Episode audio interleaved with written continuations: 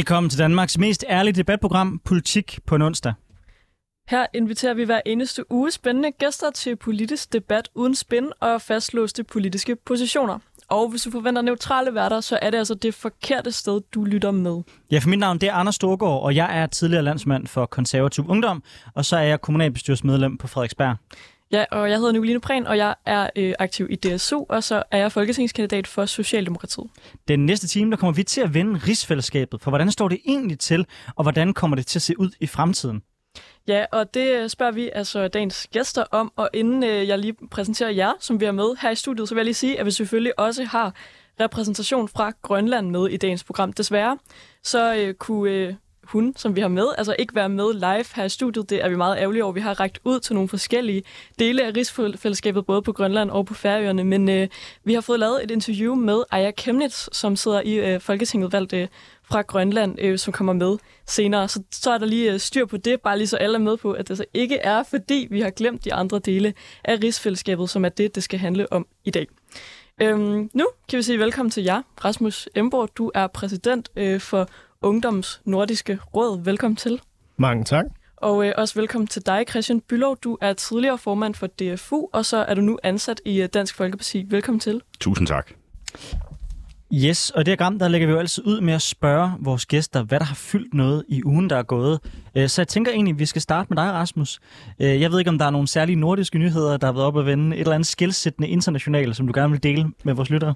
Altså, jeg har jo et øh, hjertebarn af uanede dimensioner, øh, og det er faktisk øh, tech og skærme. Øh, for halvandet år siden, der brugte jeg knap et halvt år af mit liv på at skrive et øh, udspil, Tech-giganterne skal tæmmes, som vi turnerede rundt med til regering og ministre osv. Og, og jeg synes bare, det er helt flippet, at øh, nu, ja, halvandet år efter, så er det først nu, at den her debat bryder igennem. Altså allerede dengang, der råbte vi op om TikTok, vi råbte op om sikker digital infrastruktur, vi råbte op om, at vi skulle have nogle distraktionsfri folkeskoler.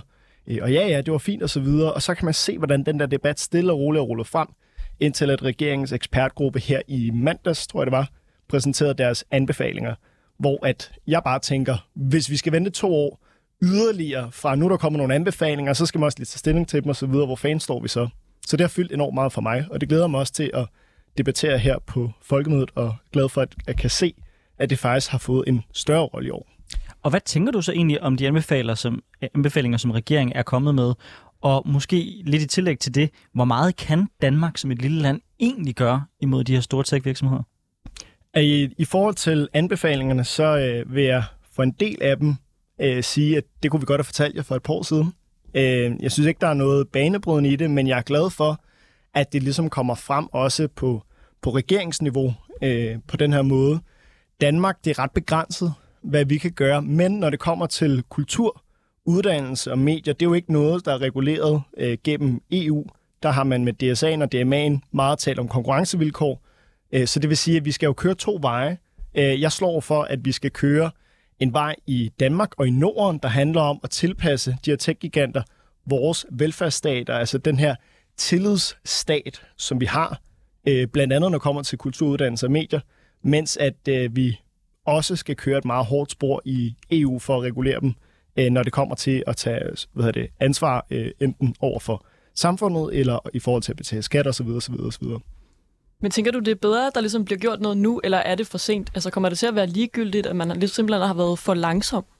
Nej, det er jo ikke for sent, men jeg synes, det er vildt nok nu, mange af os, der står i studiet, vi har været forsøgskaniner gennem hele vores liv, i det, at øh, jeg fik øh, sociale medier i 8. klasse, og vi har bare rendt lalleglade rundt øh, lige siden, uden at der er blevet talt noget som helst om det. Så jeg håber da for øh, den generation, der er lidt yngre end os, at øh, de faktisk får øh, noget hjælp. Altså, hvorfor har vi ikke et fag, eller ikke nødvendigvis et fag i skolen, men hvorfor indgår det ikke i læringsplanerne, for eksempel, øh, at vi skal lære om digital dannelse, eller hvordan man øh, faktisk kan håndtere de her apps, der forsøger at adfærdshægte. Mm. Det synes jeg godt, jeg kunne have brugt, fordi jeg har godt nok haft svært ved at koncentrere mig gennem mm. øh, det meste af mit liv, og jeg tror, at det er en del af forklaringen. Ja, og man kan jo man kan jo, man kan sige, på en eller anden måde, så er det faktisk næsten været omvendt. Det har været os, der har været sat til at forklare vores forældre, hvordan sådan nogle, sådan nogle sådan ting fungerer, hvor der måske har manglet nogle forældre øh, og et samfund, der har været inde i, hvordan øh, de her forskellige platforme fungerer. Og det kunne vi snakke enormt meget om, men vi skal også sige velkommen til dig, Christian Bylov. Du er tidligere landsmand for Dansk Folkepartis Ungdom. Det er korrekt, ja.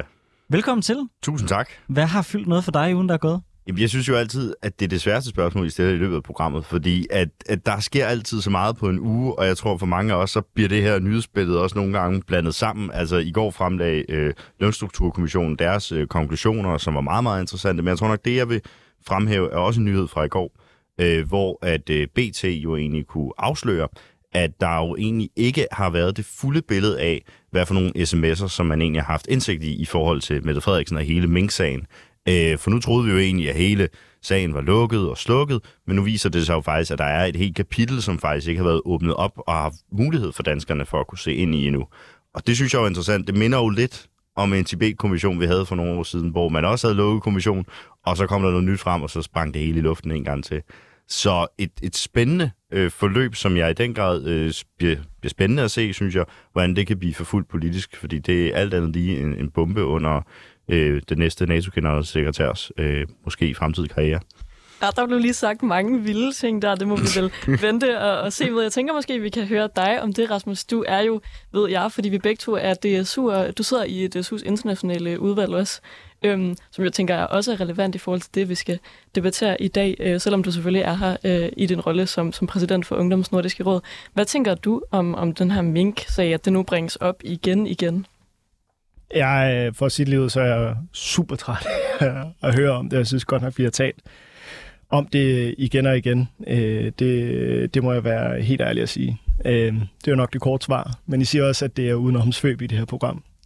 Jamen, det er helt i orden. Jeg tror, sådan har jeg det også, at man på en eller anden måde er vi jo et sted, hvor jeg tror, jeg ved ikke, man ved jo, selvom man er måske er socialdemokrat, så ved man ikke nok om den her sag til på en eller anden måde at kunne kommentere det. Så man håber bare, at at det bliver håndteret på den måde, som det skal håndteres. Bylov, eller Christian Bylov, du er... Ja, jeg, jeg kan da godt forstå, at man socialdemokrat synes, det er irriterende at høre om, om statsministerens mulige lovbrud. Altså, det, det kan jeg da godt forstå. Øhm, det, er jo, det er jo så også derfor, at nu, nu synes du, det er ærgerligt, at vi ikke ved alt, og det er jo derfor, vi jo har sagt, så lad os få lagt det hele frem, lad os få det undersøgt til bunds, lad os lave en, en kommission, der kan gå ned og kigge på det her. Lad os få de sms'er frem, som, som ikke har været fremme endnu. Lad os få dem frem i lyset, så vi ved, hvad det er, det drejer sig om. Og så kan det være, at det bliver lidt bedre at være socialdemokrat, og det ikke bliver så irriterende at snakke om, når vi faktisk ved, hvad det er, vi snakker om. Altså, det er i hvert fald lidt vildt at status lige nu, det er, at øh, den eneste, der rent faktisk øh, har fået en konsekvens, fordi alle de andre har fået trukket deres advarsel tilbage, øh, det er den eneste embedsmand, der rent faktisk protesterede over, at man var i gang med at gøre noget, der ikke var øh, lov hjelm til, nemlig øh, Fødevarestyrelsens departementchef. Det, det er en lidt speciel situation. Jeg, jeg ved ikke, om det her det bliver en åbning til, at debatten kommer til at fortsætte. Jeg ved heller ikke, om det er en debat, jeg gider bruge særlig meget tid på, men jeg synes, det er vigtigt selvfølgelig, at det bliver øh, gennemarbejdet, og hvis der er noget, der ikke er afsøgt endnu, så skal det selvfølgelig afsøges. Ikke dermed sagt, at vi behøver at bruge lige så meget tid på at diskutere det, som vi gjorde sidst. Fordi jeg synes også, det var et problem, at det var det hele valgkampen kom til at handle om. Fordi valgkampe bør handle om politik. Mm. Men i demokrati er det også vigtigt, at der bliver øh, holdt hånd i hanke med, at folk de overholder reglerne, selvfølgelig. Ja, helt mm. sikkert. Jeg tror også, man skal huske på, at det jo var virkelig en krisesituation på det tidspunkt under øh, coronakrisen. Jeg boede selv i, i Nordjylland og husker, hvilken sådan mink-corona-panik der virkelig var. Folk var altså redselslagende for, at vi i Nordjylland ville blive det nye sådan, Wuhan. Øh, så på den måde så, så handlede man også jo i, i en krise. Og man, det synes jeg i hvert fald er, er vigtigt for at forstå øh, konteksten. Det synes jeg overhovedet ikke, det er. Jeg synes netop, det er i en krise, at det er vigtigt, at man overholder reglerne. Ellers så er reglerne der ikke, og så vil politikere altid hæve det. Nu har vi en krise. Altså, hvad med øh, flygtningestrømmen, da folk vandrede op og ned af, af vores motorveje. Det kunne man også så, hvis du havde en meget borgerlig sætning, sige, det er en krise, lad os sætte de normale ah, regler Jeg, jeg ud, tror ikke, man kan sige, at den største pandemi i 100 år på samme måde kan sammenlignes med, hvad der bliver kaldt krisemmer her og krisemmer der. Altså, det var det, det er alt andet lige det er faktisk heller, en, det er faktisk heller ikke det, jeg siger, og der er ikke nogen grund til at være smuk. Øh, det, det, jeg, det, jeg siger, det er, hvis man accepterer et princip i et demokrati, om at kriser, det gør, at man kan sætte reglerne ud af spil, så vil man per definition få en situation, hvor politikere vil forsøge at sige, det her er en krise, derfor så er reglerne ude af spil. Derfor er det vigtigt, at regler gælder også, når der er krise. Uanset om man kan sige, at den ene krise sammenlignet med den anden, eller om den er større end, end, end den anden. Reglerne må stadigvæk være gældende på et principielt plan. Jamen, også fordi jeg tror bare, som du også siger, vi anerkender bredt, at der er nogle, øh, at det var en krise, og det var en, en alvorlig situation for alle, men derfor så er der nogle fælles spilleregler, man ligesom skal, skal have, øh, og som alle skal følge. Og nu nævner du selv Nordjylland, og så kan man jo måske sådan, i et retroperspektiv måske spørge ind til, hvorfor det var, at man lukkede en masse byer og minkgård ned, men det sted, hvor man havde den højeste smitterisiko, det var Aalborg by, og det valgte man ikke at lukke totalt ned. Altså det er jo også sådan et, hvor man måske sådan objektivt set kan tænke, Nå, hvorfor gik det der? Hvorfor kunne man lade folk løbe rundt og lave alle mulige ting der, som man ikke kunne ud i andre kommuner?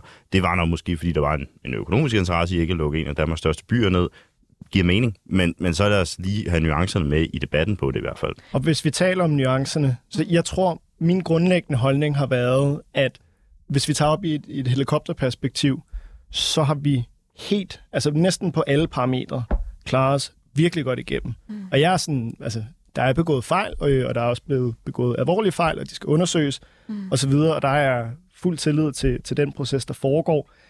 Jeg tror bare, det er det her ekstremt ensidige fokus, der var på præcis det, og så alt det, der var gået godt, det røg så ud af vinduet til gengæld for det her narrativ, fordi man gerne ville øh, have Mette Frederiksen ned med nakken. Og der jo, følte jeg bare, at det blev men nu er vi, alt for voldsomt. Altså politikere... Jeg, jeg er blevet tvangsindlagt til tilstrækkelige pressemøder, hvor jeg er blevet øh, som sådan en øh, fogragås blevet fodret med, hvor godt det hele, det, det, det hele går. Men når man kigger lidt på tallene i forhold til, hvordan vi klarede det i forhold til vores naboland, de tal har vi jo nu.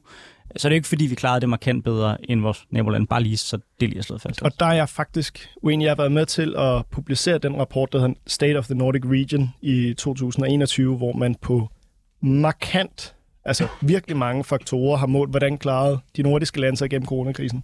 Øh, og der kan man se tydelig forskel mellem Danmark og Sverige. Men den, den debat til en anden side. Jeg tænker også, at vi skal tale om Grønland i dag. Ja, men Nej, jeg vil bare sige, at Christian Bylov, du nævnte jo lige før det her med, at Mette Frederiksen er i spil til måske at, at, at stå i spidsen for NATO, og der må man også bare sige, at der har været nogle forskellige internationale ledere ude at rose faktisk Mette Frederiksens øh, coronahåndtering, så det er jo det er en sandhed, at at, at det er i hvert fald blevet løst på en måde, som andre øh, nationer har, har respekt for. Altså, jeg tror så ikke, det er på grund af Mette Frederiksens corona-håndtering. Hun bliver NATO's generalsekretær, hvis det Jamen, jeg siger, det er blevet nævnt øh, af en, af en række øh, forskellige ledere. Når vi nu snakker om vores demokrati, så vil jeg bare gerne prøve at kaste en anden bombe ind her på, på bordet. For din historie, jeg har noteret mig, der trods alt har fyldt en, en smule, det er jo, at øh, hele Danmark, øh, skal så ikke på Jeff Storchen, men det skal hele det politiske Danmark. Øh, og der er en, der ikke er inviteret til festen af sikkerhedsmæssige årsager, nemlig Rasmus Paludan, mm. øh, som, som politiet har sagt, at, øh, at han ikke bør komme til folkemødet, fordi at han kan udsætte de omkringliggende folk for fare, og at de ikke har mennesker til at passe på ham. Det er jo sådan lidt et klassisk demokratisk dilemma. Øh, hvad gør vi med de folk, som vi øh, virkelig ikke kan fordrage på grund af deres holdninger er vederstykkelige? Øh, hvad med deres rettigheder? Hvad er deres rettigheder versus resten af de resterende deltagers rettigheder? Jeg kan godt tænke mig at høre jer, mm. som vores lille panel her, hvad I tænker om den sag. Altså, ja, jeg, øh, jeg synes jo helt grundlæggende, at det er, jeg ved ikke, om man skal sige, katastrofalt, men jeg synes, det er rigtig, rigtig ærgerligt, at han ikke kan være med. Nu oplevede jeg ham, øh, jeg tror sidste eller forrige gang, på folkemødet, og det var jo den her fantastiske oplevelse, fordi der var ikke nogen, der gad lytte på ham. Mm. Han slog ned ved den lokale skole, og der var fem mennesker, mm. maksimalt, og så var der så 10-15 politibetjente eller noget af den dur. Jeg har svært ved at se, hvordan det skulle være anderledes den her gang. Altså interessen for ham er da alt andet lige faldet i Danmark. Øh, når det så er sagt, så stoler jeg selvfølgelig på på myndighederne, og hvis de har vurderet det her, jamen, så er der sgu nok noget. Altså, jeg, jeg skal ikke erklære mig øh, ekspert på det her, mm. men jeg synes, det er rigtig ærgerligt, fordi jeg synes, det, der har adskilt os for eksempel fra svenskerne, mm. det er, at vi har været enormt gode til at omfavne alle, der har en legitim demokratisk holdning, mm. øh, uanset hvor uenig man så er i den. Også fordi man på en eller anden måde bliver jo nervøs for, om hvis han så ikke er med, om nogle af dem, der, der støtter Rasmus Paludan og hans projekt, at, at den, den vrede, de måske har over resten af det politiske system, at den på en eller anden måde bliver opildnet, når, når der slet ikke øh, ja, bliver lyttet til dem. Hvad tænker du, øh, Christian? Øh, jeg synes på mange måder, det, det er en forlitterklæring. Altså, jeg sympatiserer jo ikke med alle, øh, eller nogle af dem stort set, øh, Rasmus' holdninger, men jeg synes, at det er en, en ekstremt vigtig pille i vores samfund at have ytringsfrihed og retten til at sige de ting, man vil og mener. Øh, og derfor synes jeg også, det er et problem, at, at vi som samfund ikke kan gå ind og beskytte de mennesker og sørge for, at de mennesker også på lige fod med alle andre har mulighed for at ytre sig. Fordi, som du siger, øh, Rasmus, jeg var også øh, forbi ham sidste år og forrige år, fordi han jo ligger på vejen, når man kommer gående. Øh, og det, det er jo, du har ret, altså der er jo ingen interesse for det. Jeg tror, at det havde været et større nummer, hvis han var taget til Almedalen i, i Sverige, end hvis han var taget til øh, folkemødet på Bornholm. Øh, men altså, det er bare min, øh, min holdning. Jeg synes, det er ærgerligt, og jeg synes, det, det er en forlitterklæring på mange måder. Øh, i, I 2019, der brugte politiet 115 millioner på Paludan. Øh, bare sådan grundlæggende, Christian. Det er jo ikke folkemødet, vel? Det er jo så alt det andet Klar. også. Og Klar. det nu yder PET jo personbeskyttelse for mange danskere rundt omkring i, i hele verden, blandt andet øh, Pia Kærsgaard, Nasser Carter, Inger Støjberg, bare for at nævne nogen. Øh, og det, det synes jeg jo er ekstremt vigtigt, at vi værner og beskytter om demokratiet. For jeg synes jo, at det er ekstremt ærgerligt, at fundamentalister og ekstremister, om det så er højre- eller venstrefløjs ekstremister, skal kunne gå ind og styre og diktere den politiske debat. Fordi faktum er jo bare, at hvis vi trækker de her politifolk væk fra for eksempel Pia Kærsgaard, øh, fra andre folk, så øh, ville det måske have endt meget, meget, meget, meget slemt for de mennesker, og måske havde de mennesker så ikke været live i dag på nogle punkter. Er helt Og, enig. og derfor så synes jeg bare, at det er ekstremt vigtigt, at vi værner og beskytter om det, fordi det er et så stærkt signal, vi sender omkring, hvor højt vi sætter vores ytringsfrihed og vores demokrati. Men der er ikke en, en eller anden grænse for, hvor mange penge vi i vores demokrati skal bruge på, at der er nogle enkelte Det tosser, der skal stå og have lov til at sige, hvad de Det vil. synes jeg ikke. Jeg synes, at ytringsfriheden og demokratiet er ukrænkeligt, og så må det koste det, det koster. Altså nu er det heldigvis ikke, fordi vi har 10.000 Rasmus Paludan der render rundt og skal have beskyttelse. Så havde det måske været lidt en anden udfordring også for statskassen. Men, Hvad hvis men vi havde det? Ja, det ved jeg sgu ikke. Jeg forholder mig sgu ikke lige til det spørgsmål, for jeg tror ikke lige, det kommer til at ske i den nærmeste fremtid. Det Men så tror jeg heller ikke lige, de havde behov for politi- politibeskyttelse, hvis de var 10.000 der rendte rundt i en stor bande sammen, vel? øh, vi kan jo ikke lide banditter, men det er jo ikke, fordi vi går rundt og skyder dem, vel? Altså, øh, men det er jo bare sådan, det er. Øh, Jamen, jeg, jeg er jeg er fuldstændig enig. Altså for mig er det her et grundlæggende demokratisk princip, og derudover så synes jeg, at det, man begår af fejl igen og igen og igen med Paludan, mm. det er don't feed the troll. Don't feed the troll. Det er regel nummer et på sociale medier, og det er det, der hele tiden sker, når han får lov til at køre de her sager, hvor han kan spille offer, eller nogen overfalder ham, eller så videre, så videre. Don't feed the troll. Ja, og øh, med de ord, så fik vi altså lige vendt nogle af de øh, demokratiske udfordringer i Danmark, og er klar til at gå videre til dagens debat om rigsfællesskabet.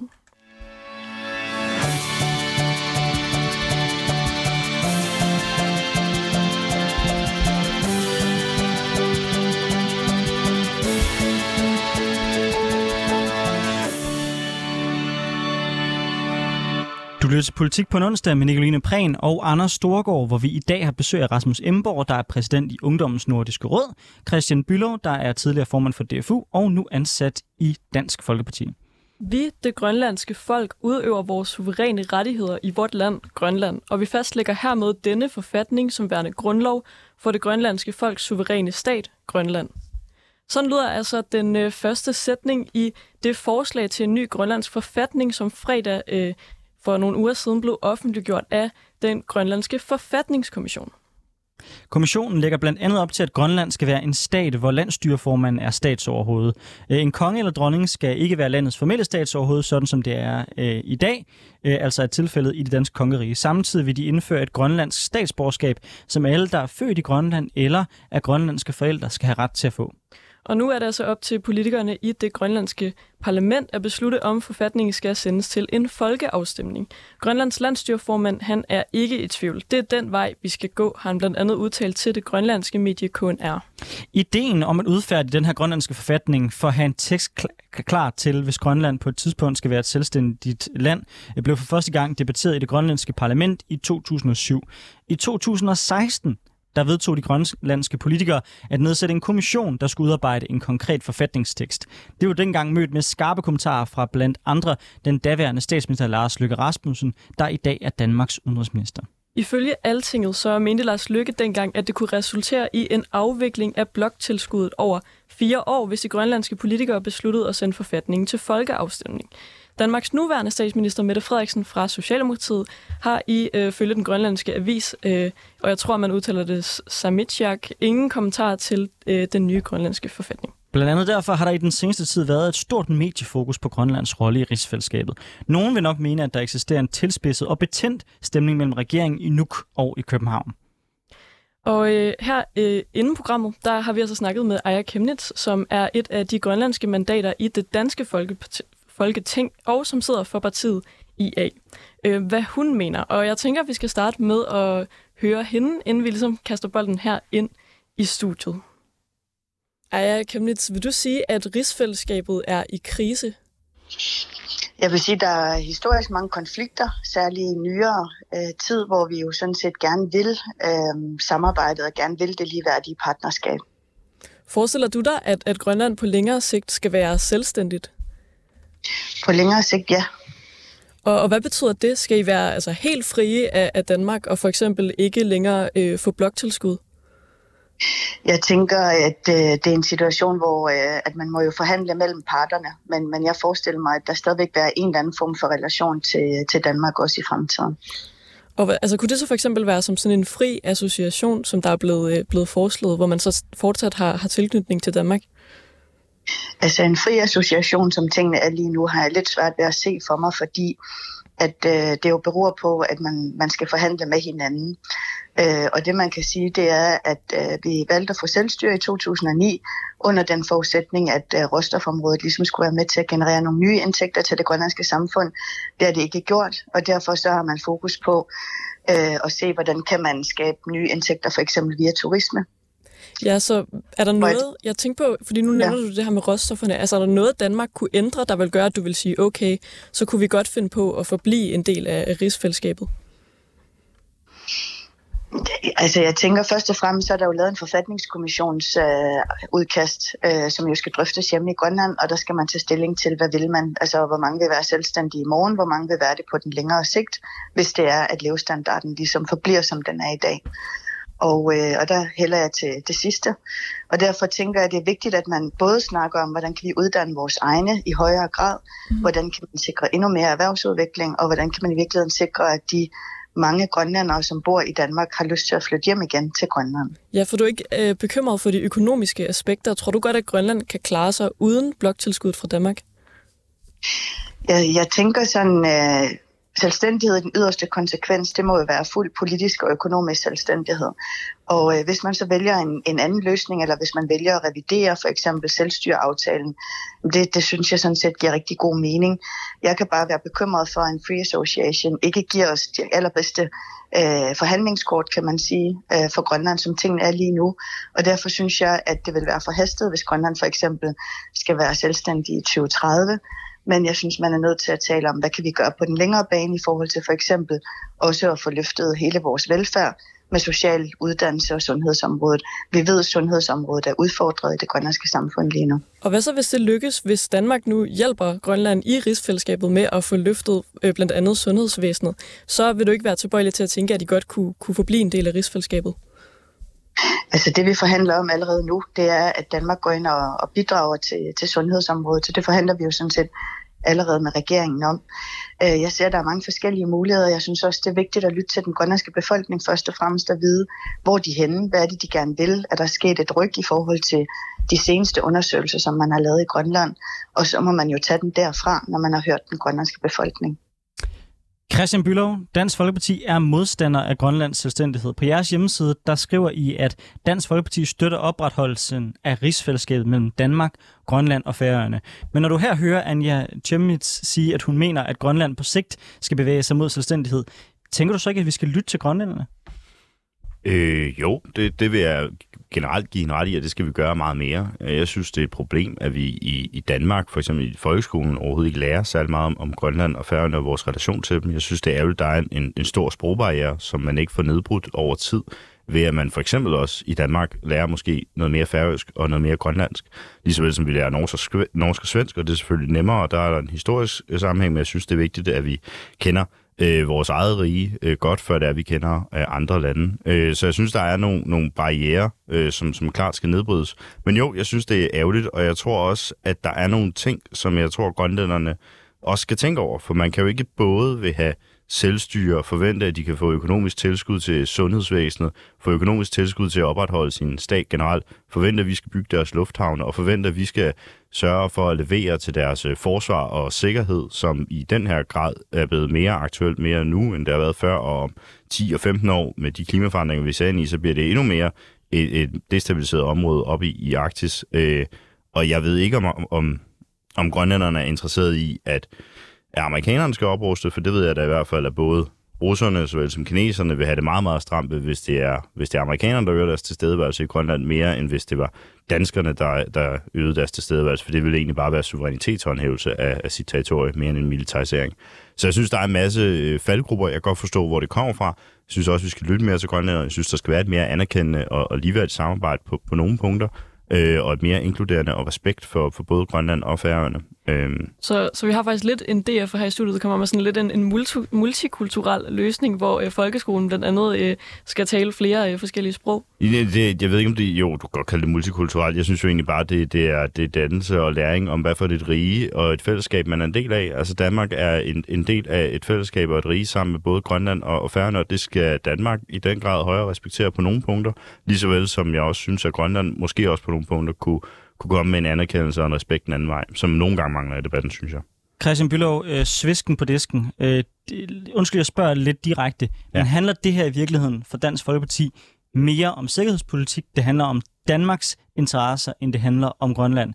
Fordi, Nej, det gør det ikke. Det gør det ikke. Så det du, du har en oprigtig interesse ja. i, at folk ja. de skal lære øh, ja, grønlandsk? Ja, ja, jeg elsker rigsfællesskabet, og jeg elsker den historie, jeg elsker den kultur, øh, som ligger i det fællesskab, vi har haft gennem mange, mange, mange århundreder. Hvor meget har du selv besøgt Grønland? Og jeg har desværre aldrig været på Grønland, men jeg skal til Færøerne om to uger, og har været der sidste år, og jeg skal også derhen i august øh, har rigtig mange gode venner og bekendte, både på Grønland og Færøerne, fordi både Rasmus og jeg har været aktiv i den samme organisation, Ungdommens Nordisk Råd. Jeg har været det i seks år, er lige øh, stoppet nu, men kommer til at være aktiv i, i Nordisk Råd, såvel som Ungdommens Nordisk Råd igen. Og der har det altid været en mærkesag for mig, det tror jeg også Rasmus kan bevidne at stille øh, forslag omkring rigsfællesskabet og en styrkelse af rigsfællesskabet. Og det, altså, det var også mig, der fik skrevet det ind i Dansk Folkeparti's ungdomspolitik, at der var en rigsfællesskabspolitik, og vi fik skrevet rigsfællesskabet ind i vores politik. Så rigsfællesskabet har egentlig altid fyldt for mig og været vigtigt for mig personligt. Øh, så det er min ærlige og reelle holdning. Og det er smukke lande, det er fantastiske lande, og det er fantastiske folk at møde derop.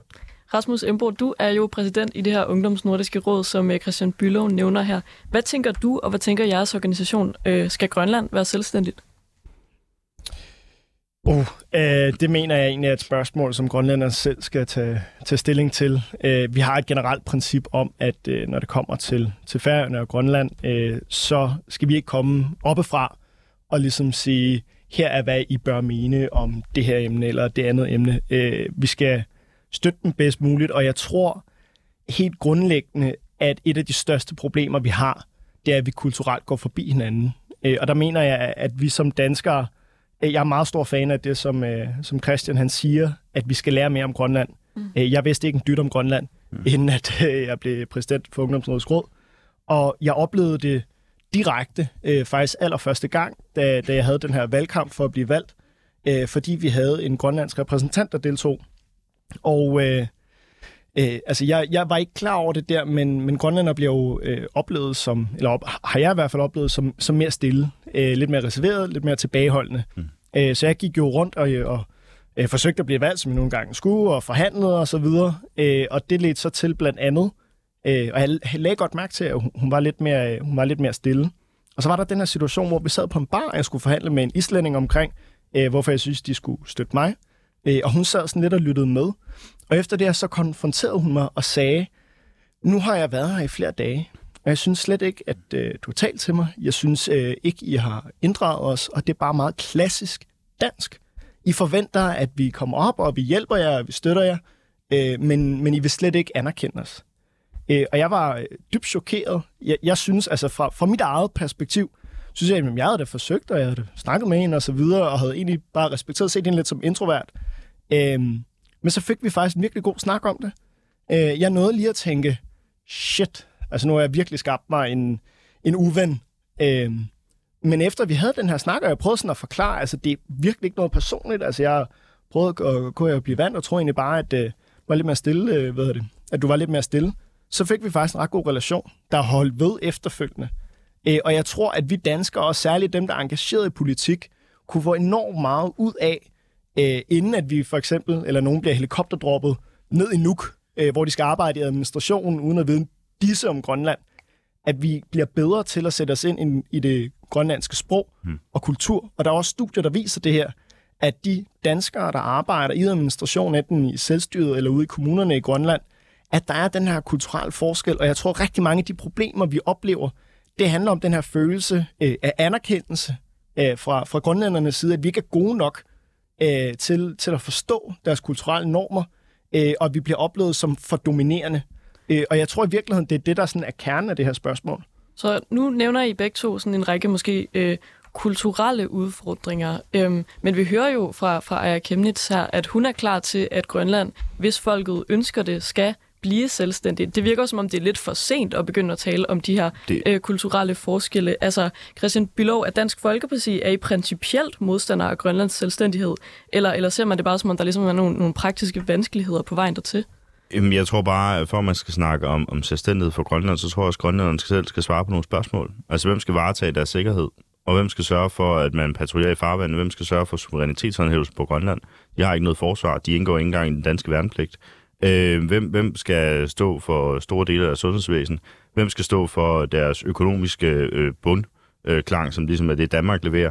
Hvem skal stå for at udvide deres lufthavn, som vi også er i gang med, Vejnet og så videre, så videre. Altså Danmark men... er så dybt involveret i, i Grønland, og jeg mener, det er fair nok at have den diskussion, og det er fair nok at have det, men jeg tror, og jeg, jeg vil gerne diskutere det, jeg vil gerne svare på alle tingene omkring, men jeg synes også bare, at grønlænderne selv så skal komme med nogle svar på, hvor de vil løse de her ting hen. Men Fordi det hvis, er ikke i Grønlands interesse, det at det ikke er Danmark, der står for for eksempel suverænitet. Men Christian, hvad hvis det er vigtigere, hvis det, hvis det principielle for mm. grønlænderne mm. er vigtigere? Altså det er vigtigst for dem, at de har selvstændighed, at de selv kan bestemme mm. Mm. over deres øh, nation.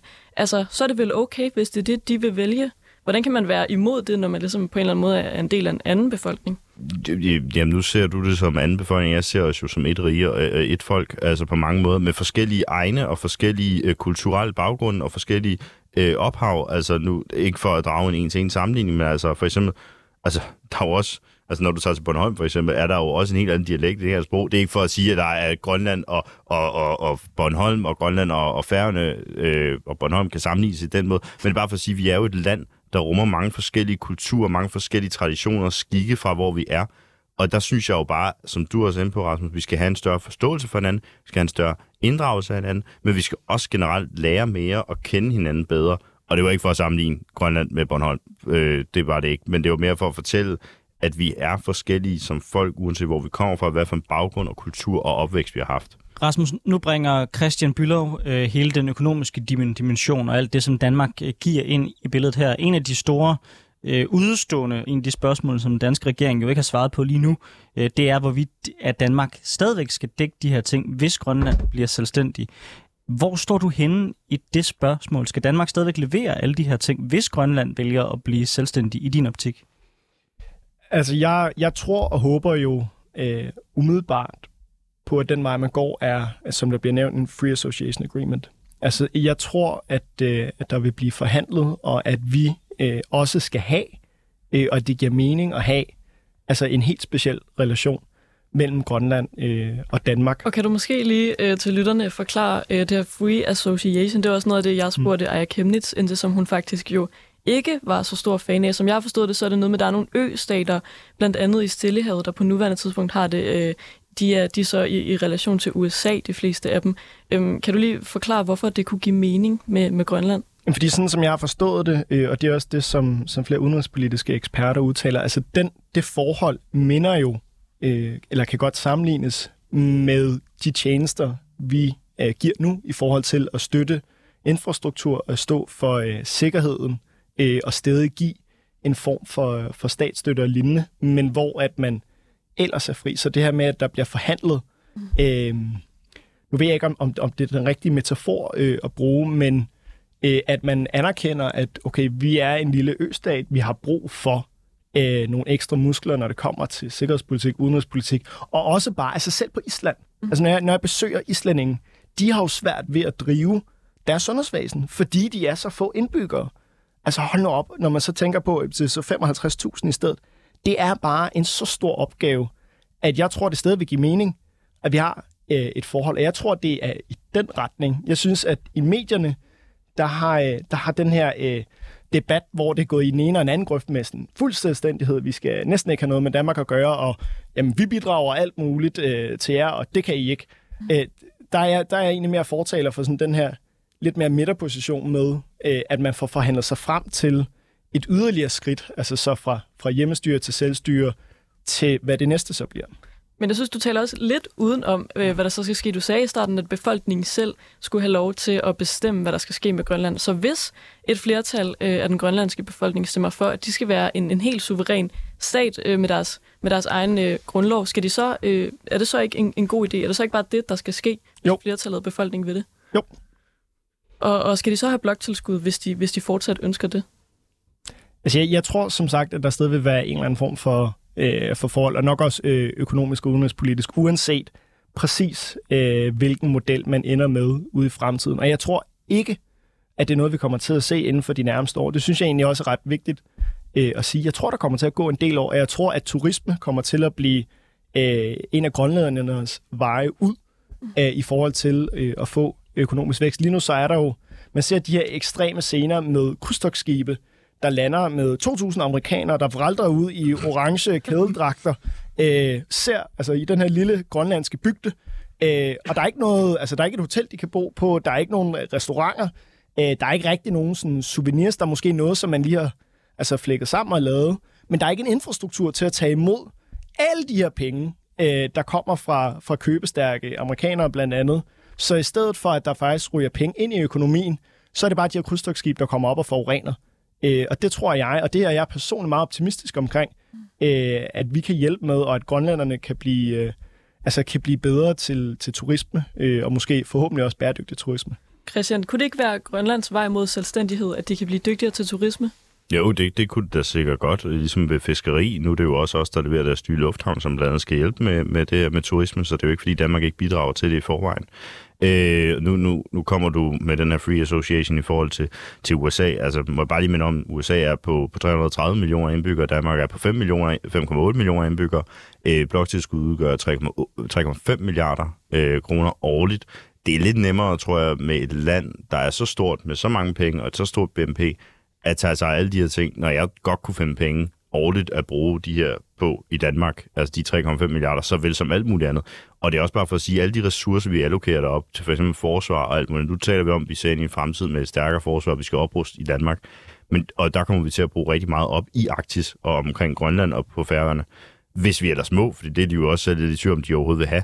Øh, men det er bare for at sige, jeg tror bare, der er så mange steder, hvor Danmark lige nu har behov for penge og ressourcer, både når vi snakker sikkerhedsmæssigt, når vi snakker sundhedsvæsen, når vi snakker vores daginstitutioner, når vi snakker skoler. Så det er bare mere, hvis, hvis det er, at man oplever, og det er det, jeg lidt oplever mange gange, at hvis du oplever en, en partner, som overhovedet ikke ved dig, og som grundlæggende bare bruger meget tid på trash talk dig, og er meget utaknemmelig over for de ting, som vi har Vi har også begået fejl. Danmark har begået mange fejl med Grønland. Men jeg må også indrømme, jeg synes også, efter de seneste mange år, har vi også bevæget os i en retning, hvor vi faktisk også vil hjælpe Grønland. Og det synes jeg også, den her debat vidner om. Altså jeg tror, en, en DF havde nok ikke sagt de ting, jeg siger i dag, for, for, for fem eller ti år siden.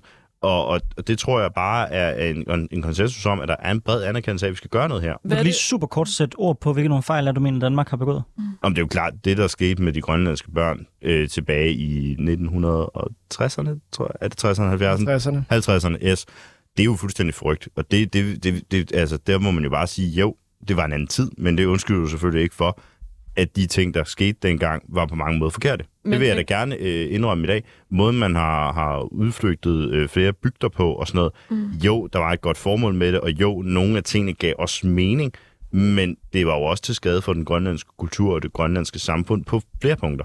Altså... Men Christian Billo, gør det ikke, den her behandling, gør det ikke, at man godt kan forstå den, øh, du kalder det trash-talking af, af Danmark, mm. som grønlænderne kommer jo. med nu? Altså, jo, det kan, det kan jeg da godt. Vi fortjener vel at, at, at få noget kritik, fordi es, vi har behandlet dem på den her måde. Selvfølgelig gør vi det, øh, men det er bare vigtigt at huske nuancerne i det, så det er ikke kun er kritik. Øhm, jeg kan godt forstå, at der er nogle ar og nogle sår, der skal slækkes og heles, og det vil jeg rigtig gerne bidrage det, jeg kan til. Det tror jeg, at vi alle sammen vil. Men man må så også bare, synes jeg, fra Grønlands side af, snakke mere også den anden vej. Øhm, altså, jeg melder mig klar til at snakke om det, jeg melder mig klar til at snakke om alt muligt andet med dem, og være egentlig åben over for, at vi har begået fejl, og vi skal lave nogle ting om. Men vi kan jo heller ikke ændre på de ting, der er sket. Nu skal vi se fremad, og vi skal sørge for, at vi får et stærkt samarbejde fremadrettet, der er til gang både for Danmark, men også for Grønland. Og, og færgerne, ikke mindst. Altså, jeg synes også ofte i den debat, at vi altid glemmer færgerne. Mm. Det synes jeg altid er ærgerligt, fordi Grønland er lidt den store ø, og det er den store magtdominans for Danmark i Arktis osv. osv. Og det er også dem, der måske sådan er de mest højlytte i mm. debatten om selvstændighed, men, men faktum er jo, at Færøerne er længere i selvstændighedsprocessen, end, end Grønland er. Ja, og i den forbindelse er det måske også lige værd at nævne, at vi har forsøgt at række ud til øh, de færøske folketingsmedlemmer. Øh, der var desværre ikke nogen af dem, der havde mulighed for at være med.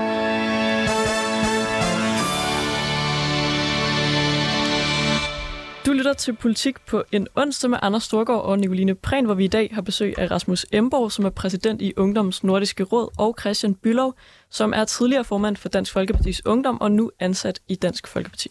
Vi går i gang med en debat om Grønlands rolle i rigsfællesskabet. Skal Grønland på sigt være selvstændigt, og betyder det, at vi i Danmark skal stoppe med at tilføre penge gennem bloktilskuddet?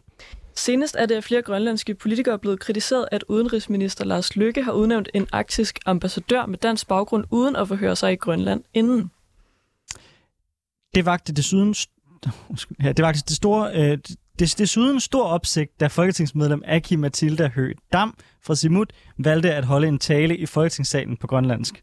De øvrige folketingsmedlemmer forstod ikke, hvad der blev sagt fra talerstolen, og det endte med, at øh, faktisk Aya Kemnitz, Kemnitz, som vi havde med øh, her i starten af den her udsendelse, hun satte sig hen ved siden af statsminister Mette Frederiksen for at oversætte til dansk.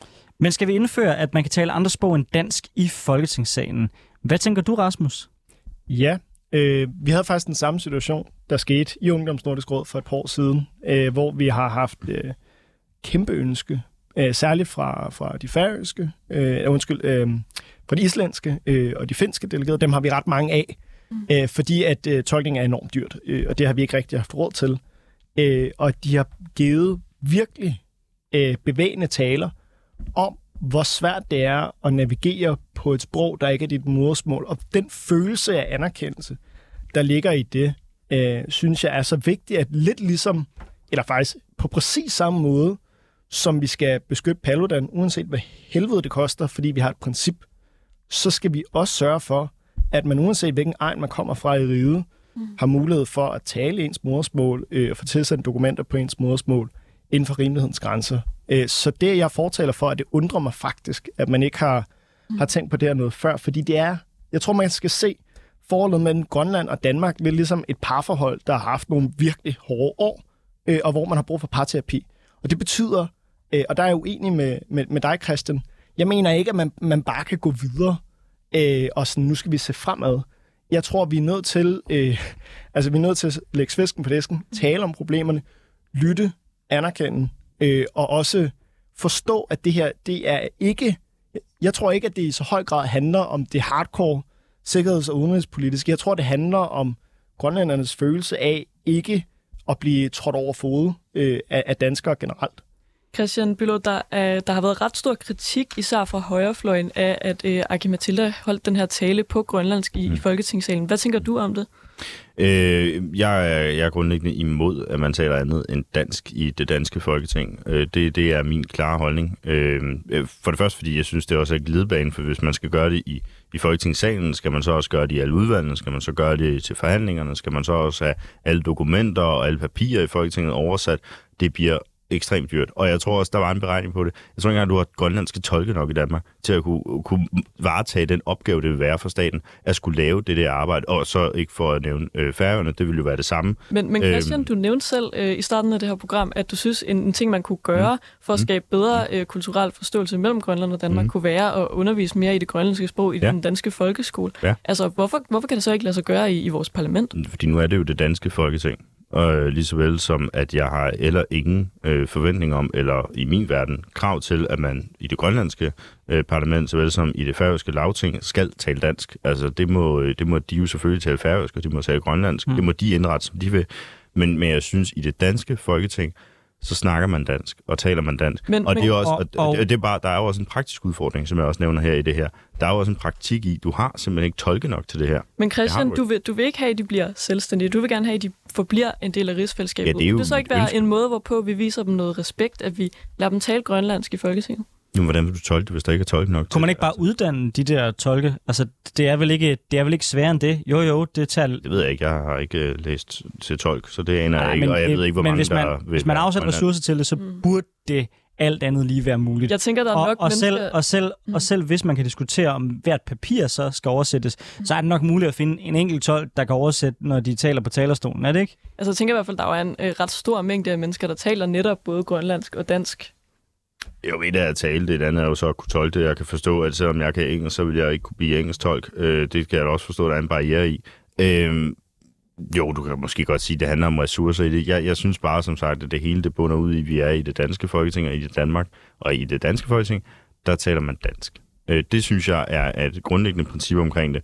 Øh, hvad man gør i, i, i Nordisk Råd og, og UNR, det, det må man jo Hvordan vil du lære alle danske folkeskolebørn Nå, jeg har ikke grønlandsk, grønlandsk og færøsk, men du samtidig siger, at det ikke er muligt Nå, jeg har at ikke oversætte i Folketinget? Bare for, jeg har ikke en forventning om, at du kan lære danske skoleelever flydende grønlandsk som færøsk øh, på den tid, der er i folkeskolen. Øh, for der er også andre ting, de skal lære i folkeskolen, og folkeskolen er i forvejen rige presset. Jeg siger bare lige så vel, som man stifter bekendtskab med det norske og det svenske sprog, så burde man i hvert fald i lige så høj grad, hvis ikke mere, end man gør med de to sprog, stifte bekendtskab med både det grønlandske sprog og færgens sprog, såvel som deres kultur og historie. Det gør man ikke i dag, og det er en fejl.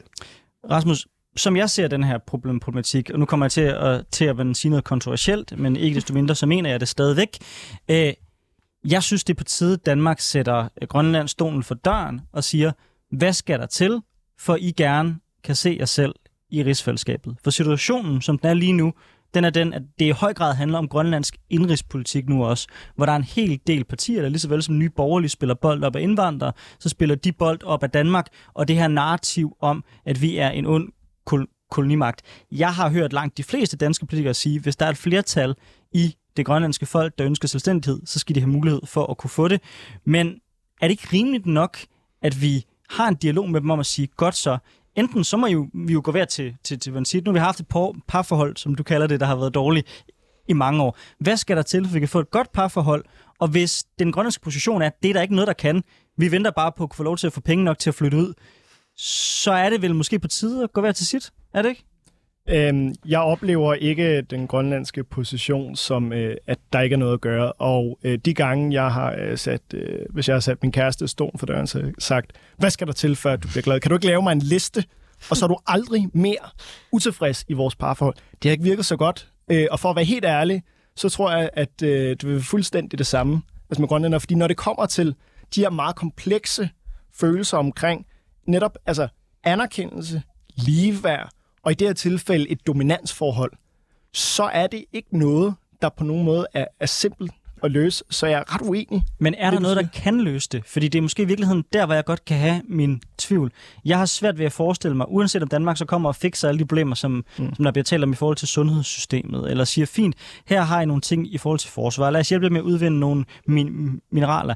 Jeg har svært ved, at, jeg har svært ved ligesom at kunne, kunne pinpointe, hvad er det, der skal til? For, og jeg tror måske ikke, der er noget, der kan gives, der er godt nok? Altså, der er jo ret optimistisk. Som jeg nævnte tidligere, jeg tror, at den her turisme, der kommer til Grønland, og nu får de også nye Atlantlufthavn, mm. jeg tror, det kommer til at bringe øh, velstand til Grønland.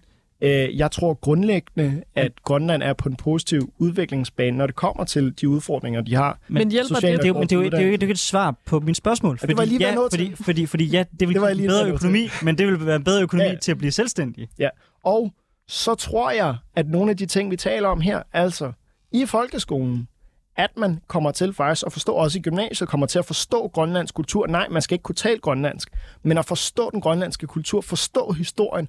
Jeg tror, det er et vigtigt første skridt.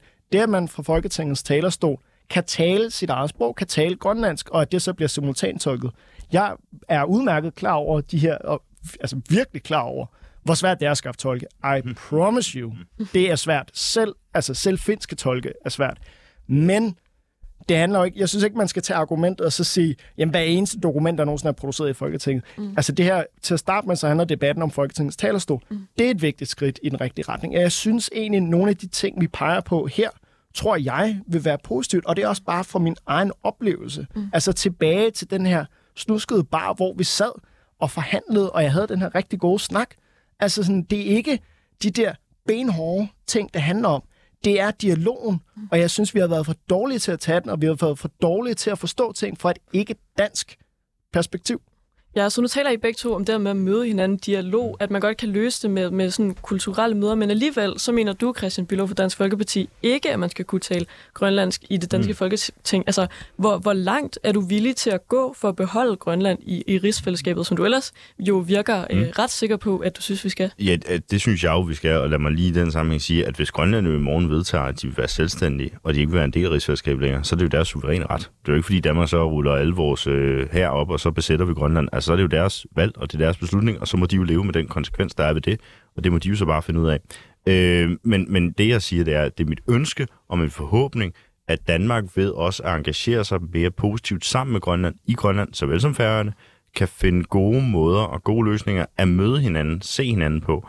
Og der vil jeg bare sige, det her med, med sproget, altså det synes jeg bare er, er på mange måder vigtigt. Altså jeg synes, det er vigtigt, at man holder fast i, at i det danske folketing, der taler man dansk, Lige så vel som jeg heller ikke skal bestemme, hvad man taler i det grønlandske, så vel som det færøske lavting, hvor Danmark jo ikke er repræsenteret. Men- man kan men- sige nu, hvor det er, vi Christian, snakker, jamen, Christian vi snakker kan man lige ikke, nu. nu spørger jeg dig lige om noget. Kan, Ja. man ikke, kan man ikke sige, at det er så meget i Danmarks interesse at beholde Grønland i rigsfællesskabet, blandt andet på grund af altså, mm. geopolitik, mm. på grund af klima, på grund af Rusland og, og øh, USA og Kinas interesser, at vi bliver nødt til at imødekomme dem noget mere? Men lad os lige... Og, lad os og, det er lige- vel, og det er vel heller ikke Danmarks parlament, det er vel det danske riges parlament. Og jævnført du selv jo, siger, er men, en del men af nu et snak, men det var det, vi skulle til at sige. Det er, nu snakker vi om, at de skal have mere indflydelse på udenrigspolitikken. De skal have mere indflydelse på forsvarspolitikken. De skal have mere indflydelse generelt på deres egen politik. Og lige nu har de jo stort set alt hjemtaget. Hvis de også hjemtager mere af det andet, og det bliver mere ligeværdigt samarbejde, så spørger jeg bare, og nu er det ikke et konkret forslag, det er ingen holdning, men hvad er funktionen så med grønlandske medlemmer af Folketinget og færøske medlemmer af Folketinget? Fordi hvis det er, at de ikke har noget reelt, vi beslutter og har nogen beslutningskompetence over Grønland og Færøerne, hvilken rolle har de parlamentsmedlemmer så også at gøre? Ikke fordi jeg elsker, at vi har det. Jeg synes, det er godt. Men er det ikke fordi, som Men nu siger, spørger jeg bare ud i rummet, for det er bare for at sige, hvis det er, at vi tager alt suverænitet hjem til dem selv, det Mm. kan vi jo så tale om, om det er smart eller ej, men hvis man gør det, Mm. har de så en funktion, og så er vi jo så over, om man overhovedet skal sidde og tolke og bruge penge på det. Og den Shit. kan vi kaste over til dig, øh, Rasmus. Det synes jeg er et helt legitimt spørgsmål. Øh, Altså. det, Vi har ikke Jamen- repræsentation i deres øh, parlamenter, og det har vi heller ikke bedt om. Øhm, ja, det synes jeg er et legitimt spørgsmål. Øh, det er ikke noget, som jeg som sådan har et svar på. Jeg vil bare lige sige, at det synes jeg egentlig er vigtigt. Øhm, jeg oplever altså, at vi på det formelle stadie, bortset fra det her med den arktiske ambassadør og en række andre tilfælde, men jeg synes egentlig, jeg oplever, at vi gør os ret umage med at række ud. Øh, både som I har rækket ud her i, i udsendelsen, altså så oplever vi sender jo konstant invitationer ud øh, til, altså det er jo så både altså, samerne, der er det oprindelige folkefærd, der lever blandt andet op i Nord-Norge, øh, Nordsverige osv., øh, til vores grønlandske repræsentanter, øh, til færøerne. Færøerne er ret, det, altså, de deltager ret meget. Mm. Øh, det jeg oplever, det er, at der er så mange, og der er en så god vilje til at ændre om i alt muligt. Altså Vestnordisk Råd, Nordisk Råd, Ungdomsnordisk Råd, arktiske konferencer, arktiske uddelingsbud, you name it. Øh, at der ikke, altså der er ikke kapacitet til, at de tager imod alt det her. Øh, igen tilbage til, at man er så få mennesker. Og det synes jeg egentlig er ret vigtigt at have med, fordi jeg mener ikke, at... Øh, altså jeg mener egentlig grundlæggende, vi gør os umage i Danmark, og jeg mener, at det er nogle store skridt, øh, at øh, vi har haft Mette Frederiksen ude og undskylde, altså blandt andet for øh, eksperimentbørnene Mm. øh, og lignende. Altså det, det synes jeg er nogle, nogle vigtige skridt, øh, men der er bare steder, og det er jo sådan igen tilbage til det her parforholdsdynamik, igen tilbage til det her med øh, anerkendelse og kultur, hvor at vi skal gøre mere. Og det er jo så noget af det her, som vi peger på i det her program. Ja, Christian Bylov, lige øh, her til sidst. Hvad er det allervigtigste, der så skal ske i relationen mellem Grønland og Danmark i de næste år, hvis vi skal forblive i rigsfællesskabet sammen? Det tror jeg er, at vi tager en, en åben og fordomsfri snak med hinanden om, som Anders også er inde på, hvad er det konkret, I synes, vi skal gøre anderledes? Og så også fra den side af, ikke mindst, hvad er det, vi har behov for, I melder klart ud? Og så er det at have en åben og fordomsfri snak omkring det, fordi der er behov for, at Danmark også engagerer sig mere i Grønland og i Arktis, særligt på grund af også en sikkerhedspolitisk situation, som Grønland ikke selv kan varetage. Og det er i Grønlands interesse, at det er Danmark, der gør det, og ikke amerikanerne eller andre stater. Ja, det var øh, alt, vi nåede i øh, første time af dagens politik på en onsdag til en debat om Grønlands rolle i rigsfællesskabet. Tusind tak til jer, Christian Bylov, ansat i Dansk Folkeparti, og Rasmus Embo, præsident for Ungdoms Nordiske Råd, og også tak til Aya Kemnitz, som vi øh, havde med på interview.